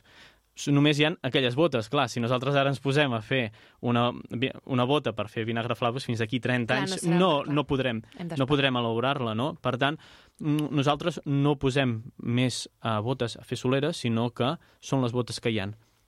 Producció limitada, mil i pocs ampolles de Flavius, perquè si nosaltres volem fer més producció, ens carreguem la solera. Sí? I aquest, Us ha agradat? A, Sí, a amb mi què aniria molt. aquest? Aquest realment Amb eh, en plats així, algo més potents, o alguns guisats sense problema, o també doncs, alguns arrossos per donar-li un punt, un punt més fort, sense, vull dir, podria anar perfectament. D'acord? És un vinagre molt... Bueno, al final, a nivell de preu, és el que ja podeu imaginar doncs, que, que serà una mica més alt. Sí? Anem a provar la petita prova o no? Vinga, va, que acabarem amb Això- això. Sí? Acabarem amb això? Veiem que és molt dens, vale? i això és una reduc reducció del primer vinagre. Què és una reducció? Agafem el primer vinagre Ui, sí que i el que, fem, el que fem és coure'l. Coure'l per tal de que disminueixi el seu volum a un terç. Vale? Evaporem, o sigui, deixem bullir el, el vinagre a molt baixa temperatura per tal de que evapori tota l'aigua i es concentrin els sucres, l'agre i tota, totes les altres partícules del, del vinagre, no? I així, doncs, aconseguim aquesta reducció de vinagre a fòrum chardonnay. Aniria perfecte, per exemple, segur que us han vingut alguns postres. Un, un, un mató, doncs li pots tirar quatre gotes d'aquest, o, per exemple, un cheesecake, sense me cap mena de problema, podries utilitzar aquest vinagre per acabar-lo doncs, de decorar li aniria perfecte. Segurament us ha recordat un gust com de mel, no? Sí, Sí. exactament això ha sigut. Sí, Sí, sí sí. t'he robat, eh? Ara que podies... És que no anava a dir, eh? no anava a dir perquè no, no em venia, però ara que ho has dit... Ara... Sí, Sí? sí. sí. Un, Bueno. un gust i fins i tot una textura, quasi, perquè... És que més quan has dit mató he pensat, sí, és que jo li fotria això al, al mató com si fos mel i mató. Exacte. Sí, sí, bueno, sí. perfecte. M'agrada que hagueu trencat els esquemes del Ostres, vinagre sí, i sí, l'amanida, no? Del tot. I escolta, Martí, on podem aconseguir aquests vinagres? Els vinagres um, els podeu aconseguir o venir al nostre celler, visitar-nos, d'acord? Perquè l'oferta enoturística al nostre celler és, ara mateix és molt potent. Um, es, realment us animo, no, no perquè sigui d'aquest celler, sinó que la visita és, és, és molt maca. Um, I a part, doncs, um, hem, hem inaugurat doncs, una, una petita... És, és com acabar de fer l'última milla, no? Al final, els nostres clients que ens venen a visitar eh, proven els nostres vins, ara també poden provar plats on, el que se'n diuen el degusta, elaborats amb el nostre vinagre. D'acord? Així, doncs, si voleu, un, es pot venir a fer visita, uh, visita més tast, o també es pot venir a, a fer un degusta, que és uh, prendre una petita tapa elaborada amb els vinagres i fer una copa de vi allà al, al costat del mar, perquè al final, uh, des del nostre celler es veu el mar Mediterrani, que és una de les nostres peculiaritats. Tots són privilegis en aquest celler. Bueno, ara ja, ara ja no teniu excusa per no venir, eh? No, no, i mi ja m'has convençut fa rato que estic convençuda. Bueno, perfecte, Judit. Bueno, Ah, Martí, Escolta, doncs- ens- abans de que marxis, Martí, ens recordes la web i les xarxes socials? Sí, uh, la web és augustusforum.com. Recordeu que totes les us... És la V baixa. Exacte, s'escriuen en V baixa, d'acord? I uh, amb, amb el tema d'Instagram també ens trobareu a Augustus Forum. amb- I allà- Amb V baixes. i allà Recordeu amb V tenim- baixes, eh? Sí, això és Poseu el important, xic del això és romà, important.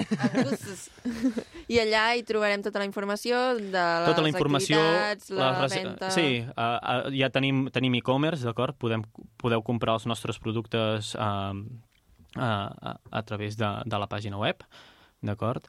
Uh, I després, doncs, uh, també podeu fer les reserves, si voleu venir a visitar el celler a través de la nostra pàgina web o trucant al telèfon que hi ha, que hi ha apuntat. Que el telèfon és 663 929 552. Perfecte, Judit. Eh, que sí que dit Moltíssimes bé, gràcies. això. Martí, doncs, gràcies a tu i espero que ens puguem retrobar ben aviat perquè l'Aina i jo de ben segur que, que vindrem a veure't aquí amb I aquest tant. celler. Home, i tant. Moltes gràcies per convidar-me i ens veiem a la pròxima.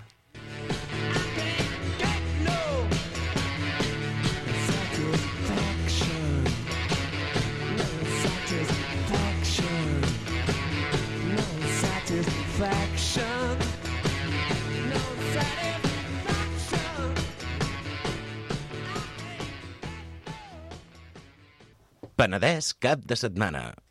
Crec que aquesta veu us sona una mica, no pot ser? Bueno, molt bones. Sóc el Joan Moreno I en Bernat Martínez, i avui venim a presentar-vos una nova secció. que se'n diu La Sobretaula. La sobretaula barra baixa a l'Instagram. Barra baixa a l'Instagram, sí, per si ens voleu buscar, hi som ja. Bueno, vols que provem les introduccions? Vinga, va, sí, tornem a A començar. veure, va. Com podria ser? La sobretaula del cap de setmana amb Bernat Martínez Marc i Joan Moreno. Aquesta t'agradaria? Torna a provar, torna a provar. Aviam. Vols que li donem un gir? Um... La sobretaula dels diumenges. Això ja m'agrada més. Sí? Sí. Llavors, la sobretaula dels diumenges. Amb Bernat... Uh! Em trabo, eh? He de controlar això. Sí. La sobretaula dels diumenges amb, Berte... amb Bernat Martínez Marc i Joan Moreno. Bueno, prova-ho tu, a veure què tal. La sobretaula dels caps de setmana amb Joan Moreno i Bernat Martínez. Bueno, sí, sí, m'agrada, Ho m'agrada. podem acabar de veure, ho podem acabar de veure. Ens presentem una mica per... Vinga, va, que aquí els oients ens estan escoltant sense conèixer. Val, va. A veure, Bernat, explica'ns. Doncs em dic Bernat Martínez Marc, sóc de Molins de Rei i m'agrada el color vermell i els gossos. Així per fer una mica com una dinàmica d'esplai. Està No. molt bé, està Sí, molt bé. està bé. I, i, i, i has estudiat, treballes... Sóc un home ocupat, tot s'ha de dir. Ets un home ocupat. Sí, sí, sí. Estic estudiant comunicació per la UOC, he estudiat també un grau superior de, de so, a l'EMAP, i estic fent pràctiques alhora, o sigui, podríem dir que sóc un... Un home ocupat. Un home ben Un home- ocupat. Tenim sort de que estiguis aquí amb nosaltres, Sí, de que estiguis sí, aquí amb això, mi acompanyant-me. Això, això. Bueno, jo em presento a mi mateix. Jo sóc el Joan Moreno, sóc d'aquí Vilafranca, no sóc molinenc, la veritat. Ets vilafranquí. I, mm, a veure, va, ja que has dit un color i un animal, Jo diré el, el color groc, que mai me'l poso perquè em sembla molt difícil de combinar, la veritat. Molt cert. Però, però és un color que m'agrada. I com a animal diré el fènix, que no existeix, però és un animal que m'agrada molt i jo vull creure que existeix. I, Però, però Joan, presenta't una mica de veritat, no? I, mm, bueno, eh, he estudiat integració social i per al moment treballo d'integrador social i ara doncs m'he plantat aquesta petita aventura de fer una petita secció de ràdio amb tu. Eh, vols que t'ensenyi la primera cançó que he pensat que podria quedar bé com a sintonia? Vinga, va, sí, que no tenim res preparat. Va.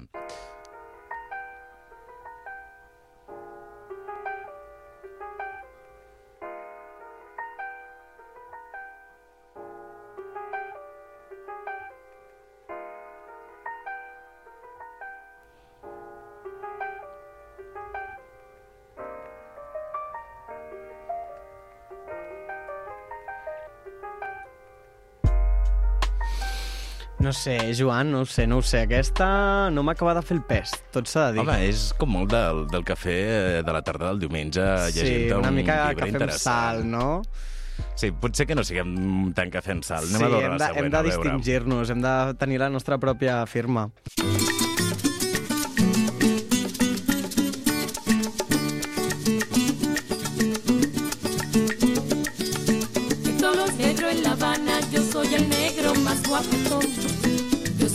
soy el más cumbanchero que se pasea por el malecón. A mi aquesta particularment m'agrada molt, perquè em dona un molt bon rotllo.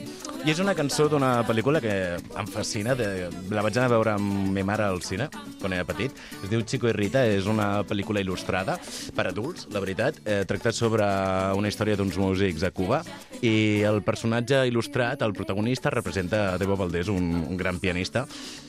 Què, què opines? Com a sintonia del programa t'agrada? Ostres, jo no m'esperava que estiguéssim ja a la secció de recomanacions de pel·lícules, però val, val, val, val. Ens hem adelantat, no passa res, no passa res. Home, aquesta cançó, millor que la primera, té més vidilla, no? Vol- Volem que la secció sigui potent.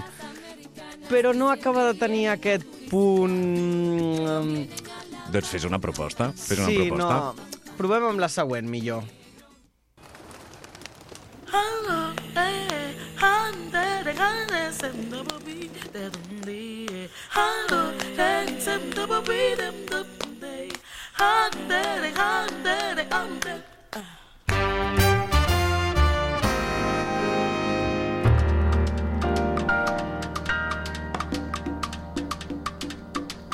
Dice mi madre que enero está regalado, que se me acerca pa' sombra y que no los quiere a mi Bueno, veig que els dos hem decidit tirar per ritmes més llatins, no? Presenta'ns aquesta cançó, va, Joan. Vale. És una cançó que és de Daimé Aro... Arocena. És que em costa dir una mica el nom. Sí, no, el tornarem a repetir per si no ha quedat clar. Daimé Arocena. Es diu La rumba me llamo yo. Mm. La veritat és que és una cançó que a mi em dona un molt bon rotllo. Així com caribenyo... Em- Això és el que anava a dir, em transmet molt bones sensacions, tot s'ha de dir. No? Poc, poc penedesenc, potser. Sí. No, no fa sí, molt de penedès cap de setmana. No, no, això no em fa massa de penedès cap de setmana. I què fem? Mm, va, provem aquesta última que tenim per aquí. Aviam si... I si no ens funciona, què? Pues tu, haurem de fer un, una secció de destacados a l'Instagram. Perquè ens recomanin perquè ens sintonies. recomanin sintonies pel programa.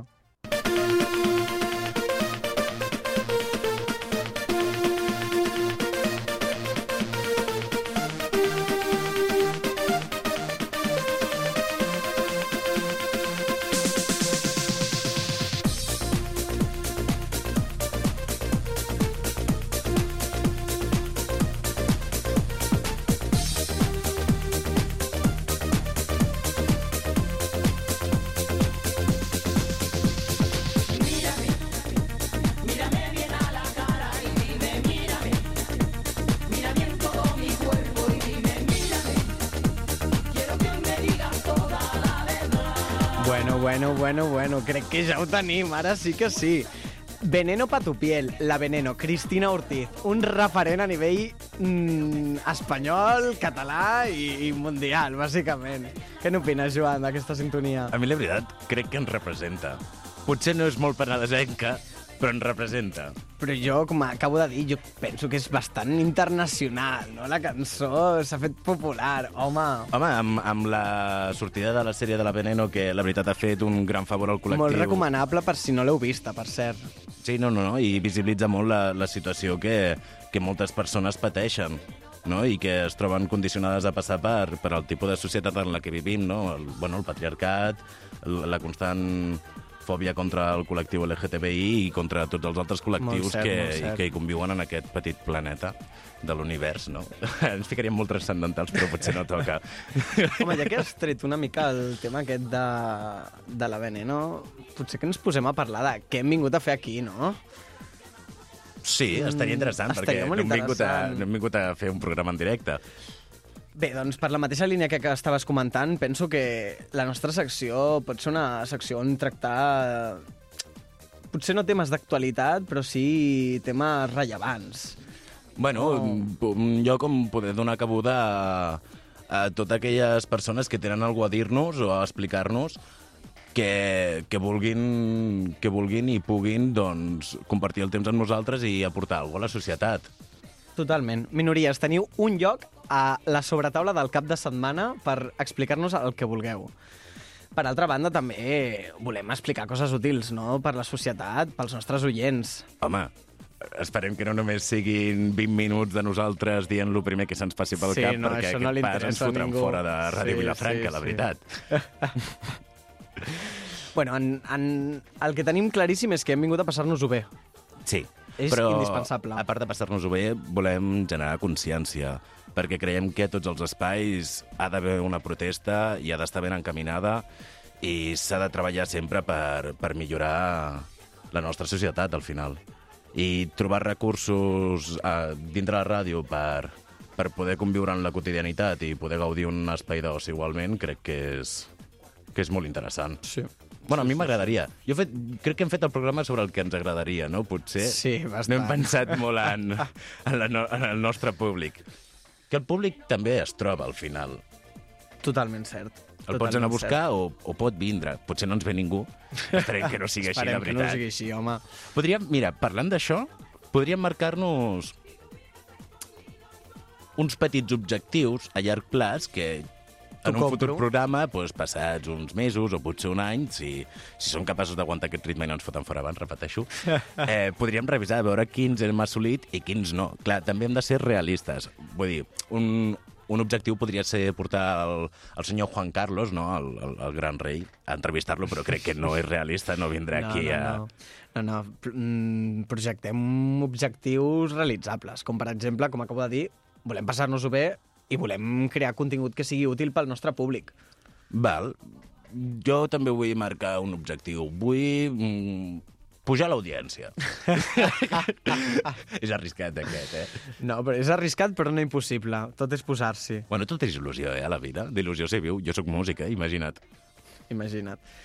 Bé, per altra banda, un altre dels nostres objectius principals seria aconseguir una mica una comunicació bidireccional amb el nostre públic. És a dir... Què és la comunicació bidireccional? Molt bona pregunta, Joan. Una comuni la comunicació bidireccional consistiria en que, per exemple, nosaltres us fem preguntes per Instagram, pels stories o per les nostres xarxes socials i vosaltres ens responeu. Aquí nosaltres podem aconseguir saber què penseu i, per tant, em, crear contingut acorde amb, amb, també amb el, el què pensa el nostre, el nostre oient. Sí, sí, sí. No? Molt ben ha explicat. quedat clar la comunicació bidireccional? A mi m'ha quedat clar. Sí? Sí. Jo, mira, ara marcaré un altre objectiu, potser una mica a nivell personal. Jo sóc, així pròpiament dit, una mica xarnego. I mm, sobretot a l'hora de parlar, no? Llavors, eh, jo demanaré que tu i tothom que ens escolti m'ajudi a millorar el meu català. I així també podem millorar el català pues, de tothom que ens acompanyi. Perquè la veritat és que foto unes castellanades que a vegades fan vergonya.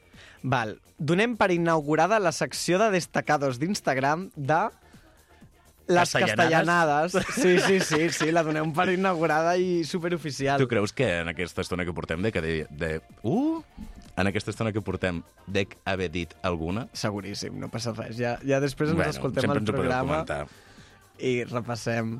Val, repassem els objectius, a veure. Passar-nos-ho bé, generar comunicació bidireccional, pujar l'audiència, millorar el meu català i ens deixem alguna cosa? Eh, bueno, si podem arribar a portar alguna drag queen important del país, doncs mira, ho farem. Alguna drag queen important del país. Fem una crida aquí des de Ràdio Vilafranca, Penedès, cap de setmana, al magazín dels dissabtes i els diumenges. Avui no és amb Judit Jansà i Aina Soler, sinó que amb Bernat Martínez Marc i en Joan Moreno. Fem una crida per a aquestes drag queens famoses que ens estaran escoltant, suposo, en algun moment de la vida, o no, que vinguin a Ràdio Vilafranca un cap de setmana, un diumenge així tonto, pel matí, eh, a prendre's un bon cafè i uns xurros, que tenim una xurreria al costat, aquí al costat magnífica, i que ens expliquin una mica com és ser drag queen important. Sí, ens, ens, ens molaria molt, ens molaria molt. Et molaria molt. Quin argot més juvenil que has utilitzat, no? O sigui, ara t'ho imagina't que ens escolta algú de la tercera edat. Bueno, jo crec Sí, que sí, en- sí, sí, en- ens sí. entendran una sí, mica. Sí, sí, sí.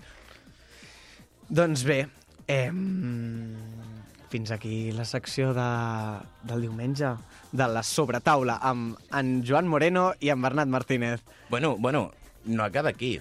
No? Bueno. no hem acabat encara? No, caldria recordar un parell de coses.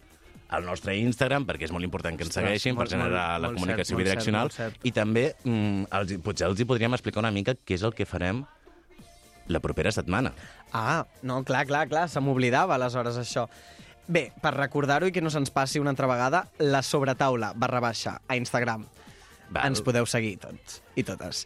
I, per altra banda, les properes setmana parlarem amb l'Aina Soler i la Judit Jansà sobre com fer un programa de ràdio com Déu mana. Perquè, com esteu veient, som, som novatos, som Clar, novatos clar, en som l'assumpte. integrador social i tècnic de so. Sí. Necessitem unes mestres, unes mestres de Clar, cerimònies, clar, un- clar, clar. unes padrines que ens guiïn en aquest nou camí que hem iniciat i que ens fa molta il·lusió, la veritat. Sí, no.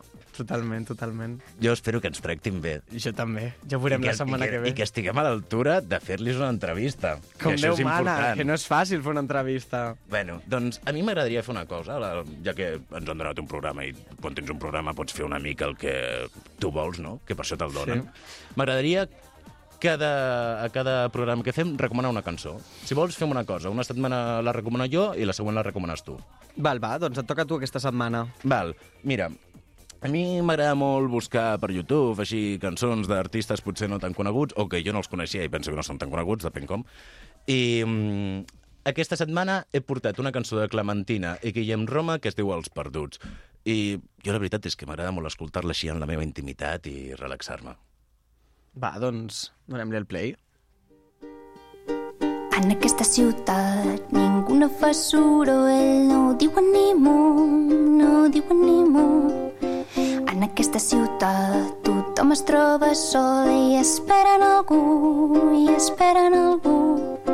He vist passar un ocell, som cares passatgeres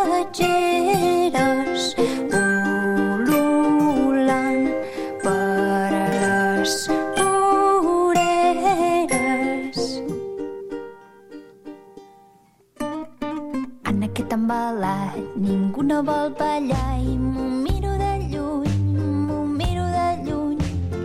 En aquest embalat m'agafen de la mà i em miren els ulls, i em miren els ulls. Ballarem per les taulades i els terrats.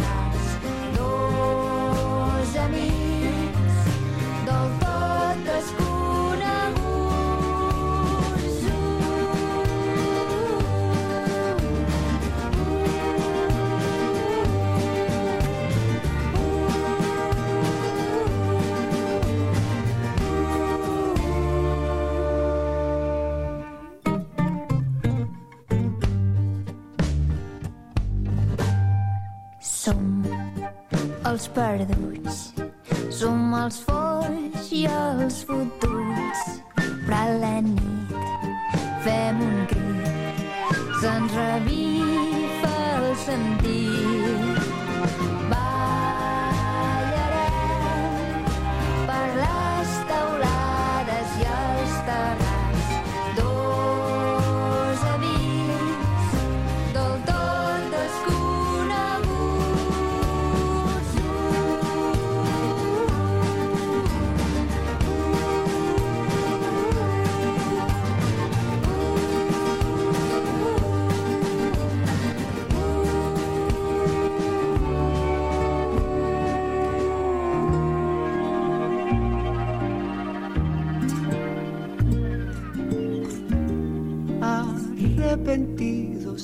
Corazón.